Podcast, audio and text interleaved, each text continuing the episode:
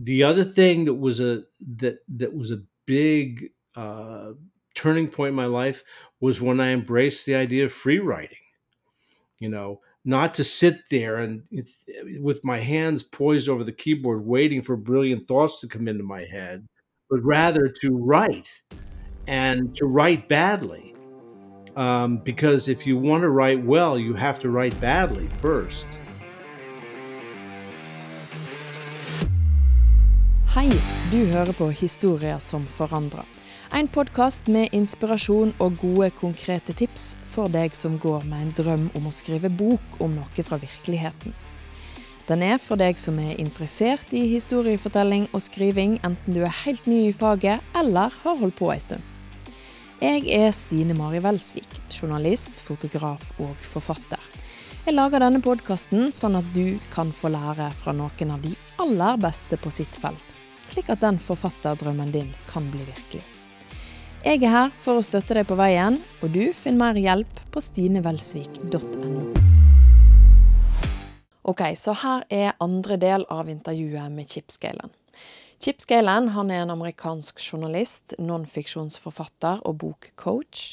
Han har vært opptatt av å arbeide med historiefortelling i over 40 år. I den første episoden, som du heller ikke bør gå glipp av, så snakker han om at å skrive bok, det er ikke magi, men er en rasjonell prosess som følger visse steg. Og i det som da er podkasten sin episode åtte, del én av intervjuet, så gikk vi gjennom disse stegene. Så den kan du gå tilbake og finne der du lytter til denne podkasten. I denne delen så skal det handle om de historiene som bare du kan skrive. Chip Scalen han forklarer det veldig fint hva han mener med det. Blant annet så handler det om at hver forfatter har sitt eget domene, som man kaller det. Hvis du allerede har skrevet mye, så merker du kanskje at det er noen temaer du trekkes mot. At det er noe i hjertet ditt, eller noe du er interessert i, eller noe du er spesielt opptatt av. Det er det her han mener med ditt domene. Og ut av det her så kommer det, ifølge Chipscalen, historier som bare du kan skrive. Og så graver vi litt mer i det her med at alle faktisk kan bli non-fiction-forfattere. Men Chip mener at det er én ting du må gjøre hvis du skal bli en god forfatter. Ok, la oss høre på Chip-scalen. When I met you in Bergen, and I asked you uh, who, who can be uh, non-fiction writers, And you said anyone can do that. Is that really true? I think it is true. Um, I've given it some thought. And um, the key is to understanding that reading and writing may seem magical. We read something, a, an article, a book, and we're totally engrossed and we think, how did that person do that? It was amazing piece of work, uh, but it's a mystery to me. But it it it is not magic. It it is a rational process. You can do it, but if you don't like to read, um, if you can't, it doesn't matter if you can't spell. That doesn't matter. Things like that don't matter. You know, um, you know this spell check for things like that you know people thinking well i'm not smart enough. I haven't gone to creative writing school. I, I haven't even gone to university. It doesn't matter. You know i know i know terrific journalists who never went to journalism school um, but there there are some prerequisites to, you know you have to love words. You have to love stories. Um, you know i meet people who say how do i get an agent? And i'll say well have you written a book no, no, no, not yet. But, well, you have to write the book first. And so there's some naivete about it. And I, I, I don't want people to come away from this thinking, well, gee, this means I could do it. Yeah, I think people can. I think many people can. I think I think all of us have the capability, but we do have to we do have to have a love of story. Saul Bellow, who won the Nobel Prize, said, A writer is a reader moved to emulation. It's a great quote, isn't it? Yeah. I love it. I love it. And so, you know, to be able to emulate a writer, you have to read writers. And and so that's the first step eh, to, to becoming a nonfiction writer, to become a reader and a connoisseur and a student. I mean, I've basically been a student of writing my entire life. Um, I've, you know, I've been fascinated by the process. Um, I've been fascinated, and to be honest, it was my mentor Donald Murray who introduced me to the process approach as a young reporter at the Providence Journal. Until then, I thought writers were magicians. I thought they were geniuses, and I was in trouble because I was neither. And he basically said, You don't have to be those things. And it was a great comfort to me. And, you know, when I embraced this process, you know, I began to have great success, more success than I'd ever had. Um, the other thing that was a that that was a big uh, turning point in my life was when I embraced the idea of free writing. You know, not to sit there and with my hands poised over the keyboard waiting for brilliant thoughts to come into my head but rather to write yeah. and to write badly um, because if you want to write well you have to write badly first and yeah no one get it right the first time anyway no no exactly i mean so i you know my motto is i tell people lower your standards but my personal motto is i abandon them i have no standard I just write. And then I look at it and I look at it. Um, I have I have family members who I trust. I have friends who I trust that can read it and say, you know, it, it, it slows down here. I don't understand this here. I've lost interest here. And I, I really rely on those. So you also need a community. You, you, you need to become a member of a community of writers. I, I promised uh, the listeners that this episode should be uh, also about the stories, as you said, that only you can tell. Sure, sure. And um, and, and what do you mean by that? Well, every writer has a territory. I believe. What do you mean? Um, I mean, there's um, there are subjects that that that that that that only they can write about. Um, so one of my territories is uh, being a fatherless child at the age of nine. Um, and that's something I write about, I've written about a lot. Um, but I find I'm also drawn to stories about life and death. Um, and I think it relates when I was a journalist, I would often be assigned, you know, a child has been run over by a school bus, uh, uh, a woman about to have her wedding has been shot in a crossfire between police, one tragedy after another. And they would say, Where's Chip? And, you know, if you had asked me what my beat was, I would have said death.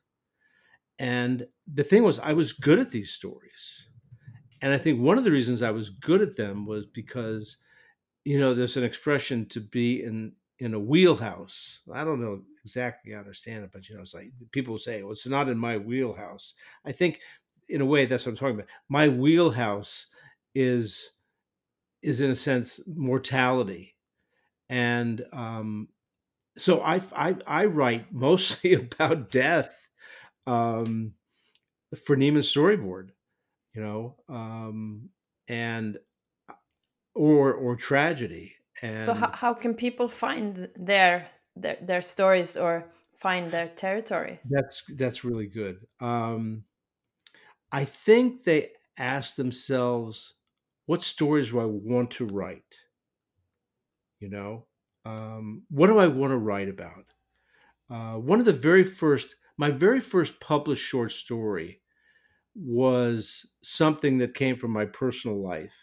My sister had been, well, essentially abandoned by her husband. He broke up with her. And they lived in a very nice house and they had three children. and I was uh, in between jobs, and I was camped out on the couch in the husband's, the estranged husband's office, and I began fantasizing. I guess I was thinking of my niece. What would it be like if a child whose father is leaving the family had decided to catalog every item in his office because he was about to take it and pack it up and leave. And the story became, it was called Safekeeping. And basically, that's what she does. She, she pretends she's sick. She stays home from school. She goes into the office. She writes down all the titles of the books, all his diplomas, all the furniture. And it ends with that eventually he would come home again and um and she would say no daddy that goes there. No no those those books go there. And so that's that's basically i chose that or it chose me. And maybe that's what i mean by territories the stories that choose you Hmm. um as well as the ones you choose. Um there are there are types of stories that I think of, you know, most of the stories that I did as a journalist and have done as a journalist have been assigned stories. They've been assignments. But these are stories that you assign to yourselves. To yourself. That's maybe the the kind of the, the difference between working as a journalist in a newsroom and being an author, because then I think you often choose your stories more. Yes, yes. Best piece of one of the best pieces of advice I ever got about work was you get paid in ways other than money. And so putting time putting your own time on stories is a really valuable investment in your career as a as as as a journalist, as an author. Um, because authors put and you know, they're taking an incredible gamble. You know, Yeah. as you of said course. earlier, you know, Mm. it can take years. Yeah, it So can. having your own territory is they're they're they're usually personal stories, um, but they can have a broader a broader. Uh, uh, they're personal stories that can uh, envelop the news. And I'm thinking about um, when our children were young. Um, they're in their 30s now, but when they were say 10 and they started to be invited out for sleepovers, we would always ask the family, Do you have any guns? Because I had been reporting on gun violence. This was back in the 80s. Hmm. I was This is reporting on gun violence. American. Yes, never happen America. in Norway, Only in really. America. Only in Mm. America. It, it happens every day. There's a mass shooting every Mm. day. It's been a mass Mm. shooting every day this year. Um, but uh, and so I thought, you know, there's an interesting story to be written here. So I wrote an op-ed piece. There used to be this advertising, public service advertisement. It's 10 p.m. Do you know where your children are? And so I called mine. It's 10 p.m. Do you know where your guns are? And I wrote about my personal life, but then I broadened it to include the whole subject of gun violence. Um, so that's that's what I think of as um, uh, having a territory. Okay, and um, then there are dangerous territories, and those are the stories that you're afraid to write, and they're really important. The one that hurts, the one that might make you look bad, um, those make for very powerful stories. And um, the example I always give is uh, when my kids, you know, were began to emerge as personalities. One of my daughters once I said to my one of my daughters, the problem was was when you began to talk. And she said, "No, dad, it was when we began to talk back." And I realized I had a real problem with disrespect. You know, it, it's not something I'm proud of. In fact, I'm totally ashamed about it. But I wrote a piece called Love and Anger about my temper with my children. And I was very, I mean, I never hit them, um, but I would, you know, raise my voice. And um, I wrote about it. And I remember a friend of mine, Tom French, said, You know, do you really want to publish this? It doesn't make you look very good. And the fact was, I had reached a stage in my life where I had left the newsroom and had come to the Poynter Institute in Florida in St. Petersburg, which is a school for professional journalists. And I was teaching. And one of the reasons I went there was that I wanted to write my own stories. I didn't want to be assigned stories. I wanted to write the stories I wanted to write, the ones that I thought only I could do. And so I said, you know, I know I run that risk, but this is why I came here. And it was really interesting because I published it first in the Boston Globe magazine. And then I would send it around other magazines. And so it was published in Detroit and Hartford and a handful of others. And the same thing happened every time. Someone would write in saying, How could you publish this self described child abuser? Which was, you know, the thing I dreaded. But then I would get letters and phone calls every time from people saying, Oh, I wish my father was alive so I could share this with him. I've shared it with my siblings. You don't know that this is my family's story too. And so I felt, uh, what's the word? Um, I, I guess I felt some sort of vindication for writing the story. So that's that's a dangerous story. And then there are the stories that that you let the story speak. And um, there's a thing called the abstraction ladder that a, a linguist named S.I. Hayakawa in the 30s described, where he said, All life exists, all thought, word, action, language exists on a ladder of abstraction. The bottom of the ladder is the concrete world, and the top of the ladder is the abstract world. Okay. So, um, I have always been most comfortable as a writer talking about the concrete, talking about stories, and less comfortable talking about abstractions. So, whenever I say things like dangerous territories or letting the story speak, I always have to give an example.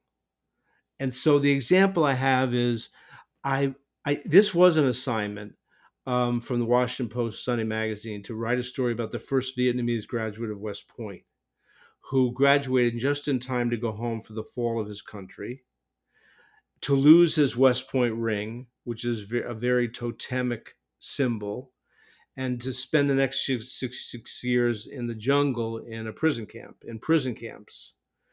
And the I told my editor this amazing story he had told me. In the first moments, the first time I ever met him, he told me, he told me this story.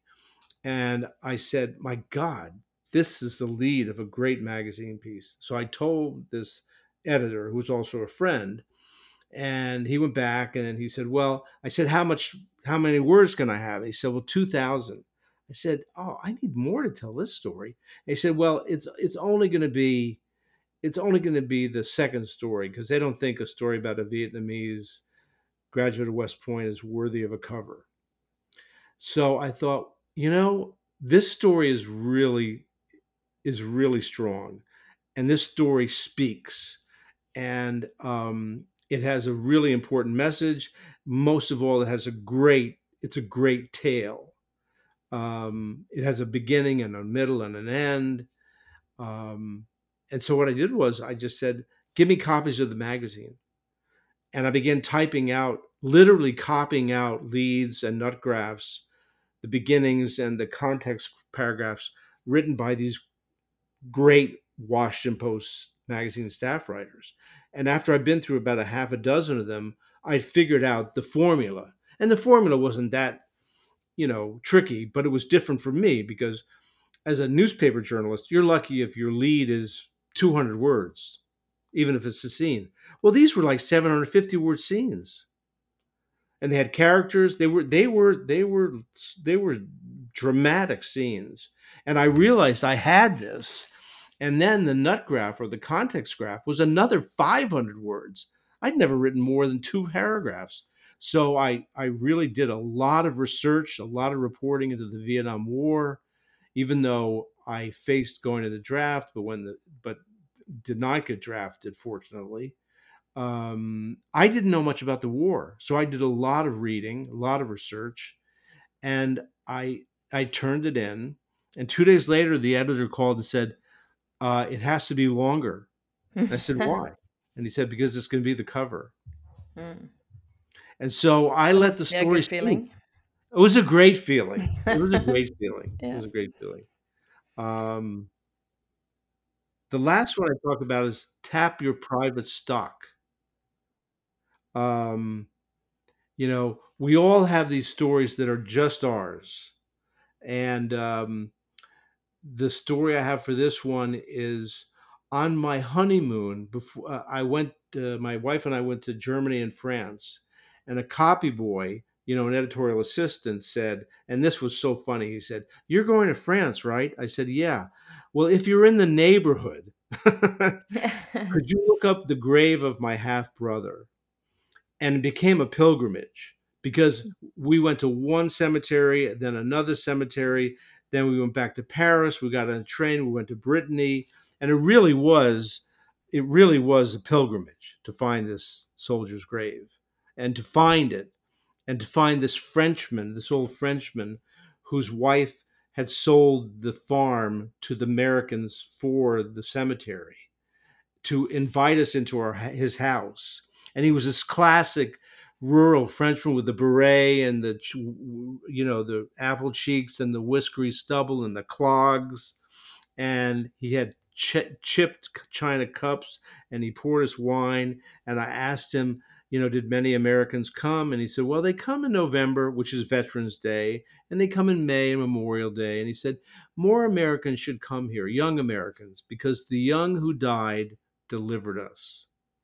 And my French wasn't very good, but I wrote his French down and I made sure to translate it right. And that became the title of the story The Young Who Died Delivered Us. And I sold that all around the country to newspapers on those holidays.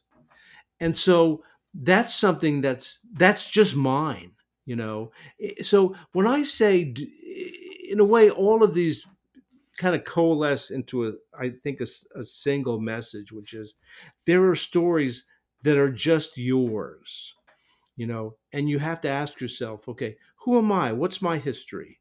You know what do i seem to be fascinated by? What am i drawn to? What stories am i drawn to reading? Are those the stories i'm drawn to writing?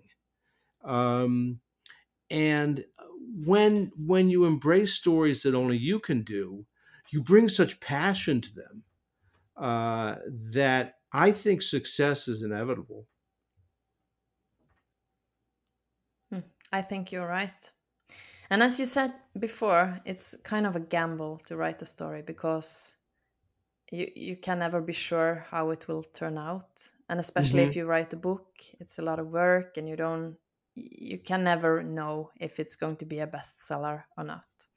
But in my opinion, it's it's important to write stories even if it's not going to be a bestseller.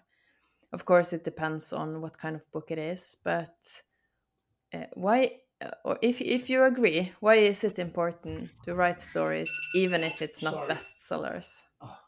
Um, I don't know why that alarm went off. Um, it's time to wake up it's time to Good morning. yeah, um, so hello, Howard. well, I think one of the reasons is that you write the story, but once you've written it, it is out of your hands completely, and you have no control over it. Um, you know, I've published books with publishers. This year, I've self-published some books, and and I found that I have to be my own marketer and my own publicist.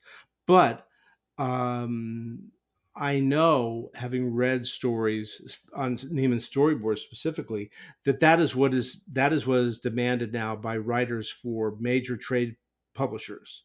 that they say, for example, you need a buzz team. What's a buzz team? You need someone to create buzz for your work. And you know, in the old days, it'd be like, well, isn't that your job? But they don't have the resources and I think the interest in doing that. You know, once they've got, you know, they acquire the book, they edit the book, they publish the book, and unless it's something that they think is really going to be market, marketable, that they think is destined to be a be- bestseller, that they believe in passionately, wholeheartedly, they basically just release it to the world and and come what may. So um, if your goal is I don't know how to say this, but if your goal is to write a bestseller, um, there's no formula. no, There's no formula to write a bestseller. that's true. That's I mean, true. if there was, both of us would sit down and write them.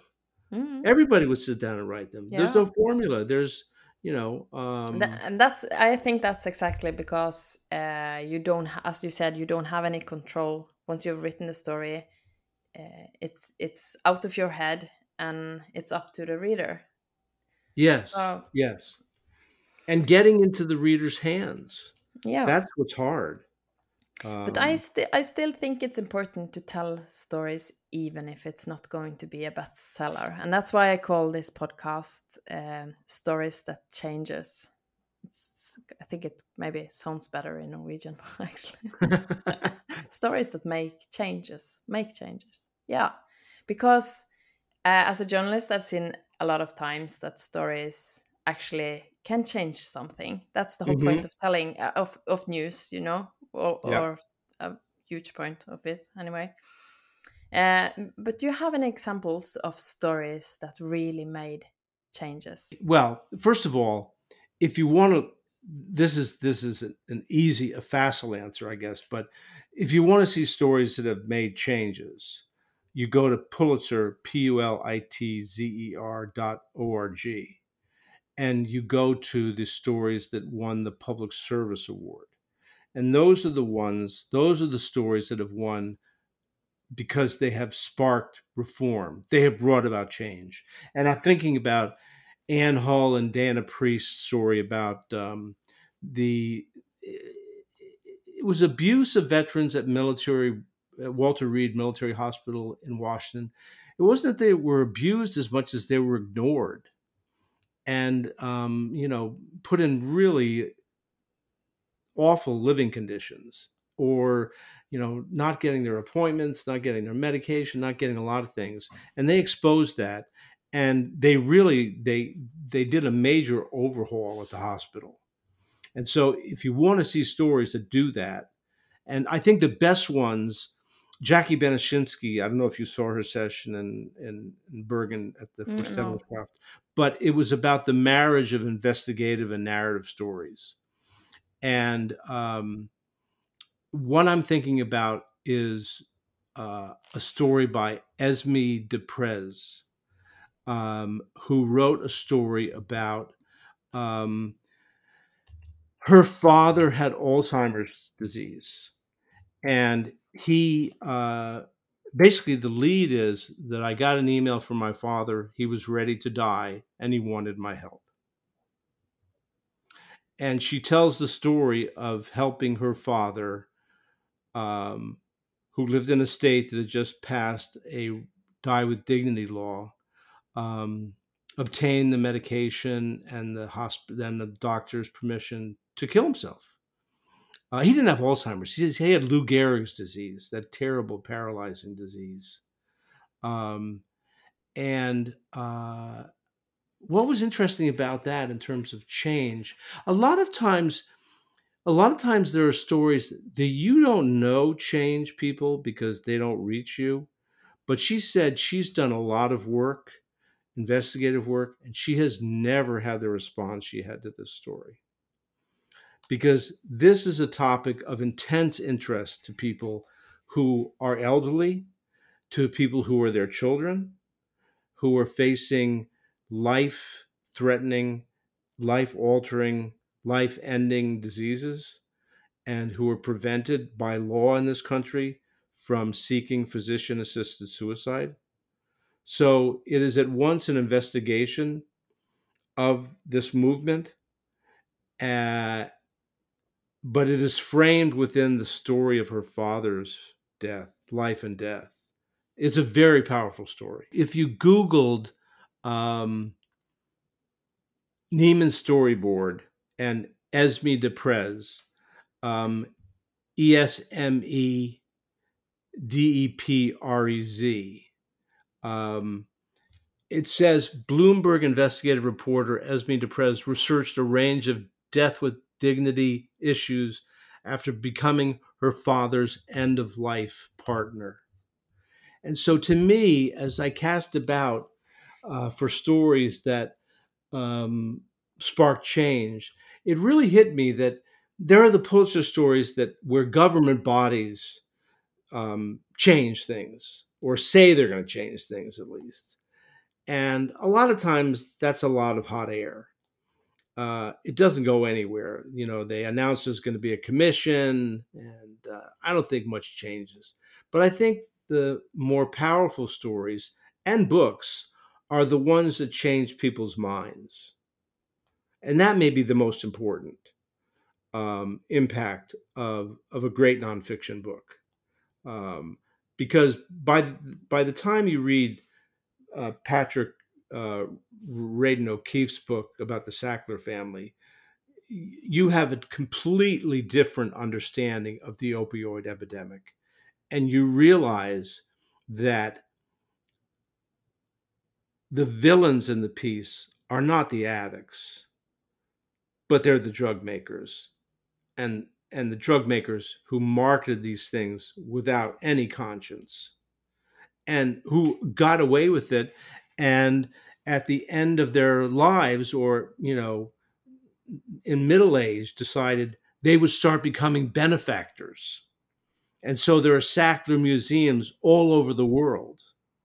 Although um, books like and this is an example of change this book began as a new yorker piece and it it it evolved into a book and th- that piece prompted museums to um, strip the Sacklers from their, um, you know, strip the signs from them. So a good, a good, solid piece of nonfiction. I think, I guess that's what I would say. That's my bottom line, um, and I'll stick with it. That the best, the strongest nonfiction, like the strongest fiction, changes people's minds. Chip Scalan, thank you so much for coming on this podcast and uh, sharing just a tiny, tiny little bit of all your knowledge about writing books and nonfiction story. You're very kind, Stina, and it was a pleasure meeting you in Bergen. Likewise. I hope to see you there again. Me too. And um, it was a pleasure to be on your podcast. Ja, så der har du da fra Chip Scalan. Jeg håper at du har blitt inspirert, fått gode tips og kan kjenne at denne drømmen din om å skrive bok, den kan bli virkelighet. Og du, hvis du går til nettsida stinevelsvik.no, så finner du gratis ressurser om hele skriveprosessen, fra drøm til ferdig bok. Husk å følge med på Instagram at stinevelsvik.no. Takk for at du hørte på.